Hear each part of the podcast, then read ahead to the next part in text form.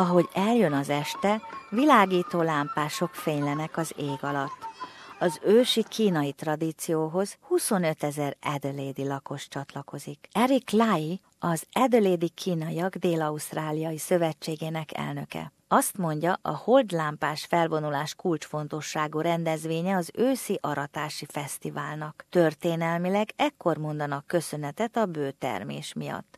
A mai időkben azonban egyre jobban a családok, barátok összejövetelének ideje. It's what we consider as the second most important festival for the communities other than the Lunar New Year. And uh, it brings together families, reunions, and that's why it's important to us. Több tucat művészileg elkészített lámpás úszik át Edeléd város központja felé.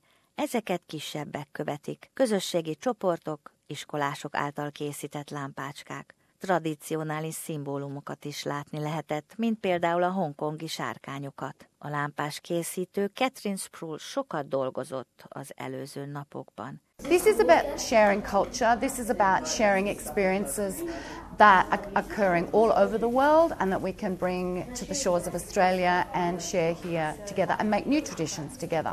Idén a felvonulás a Chinatown vonult keresztül. Eric Lai, az Adelaide Dél-Ausztráliai Szövetségének tagja azt mondja, nagy szükség volt a figyelemfelhívásra. Chinatown must be upgraded and so that it shows the vibrancies of this place. Az Edelédi Városi Önkormányzat idén 100 ezer dollár extra kiadást tett félre a kulturális rendezvényekre. Ázsiából egyre több turista jön. A vállalkozók szerint több támogatásra is szükség lenne. Yang Kong, a Hans pékség tulajdonosa szerint az előző időszakban lelassult az üzlet. There's quite a fair bit of empty shops.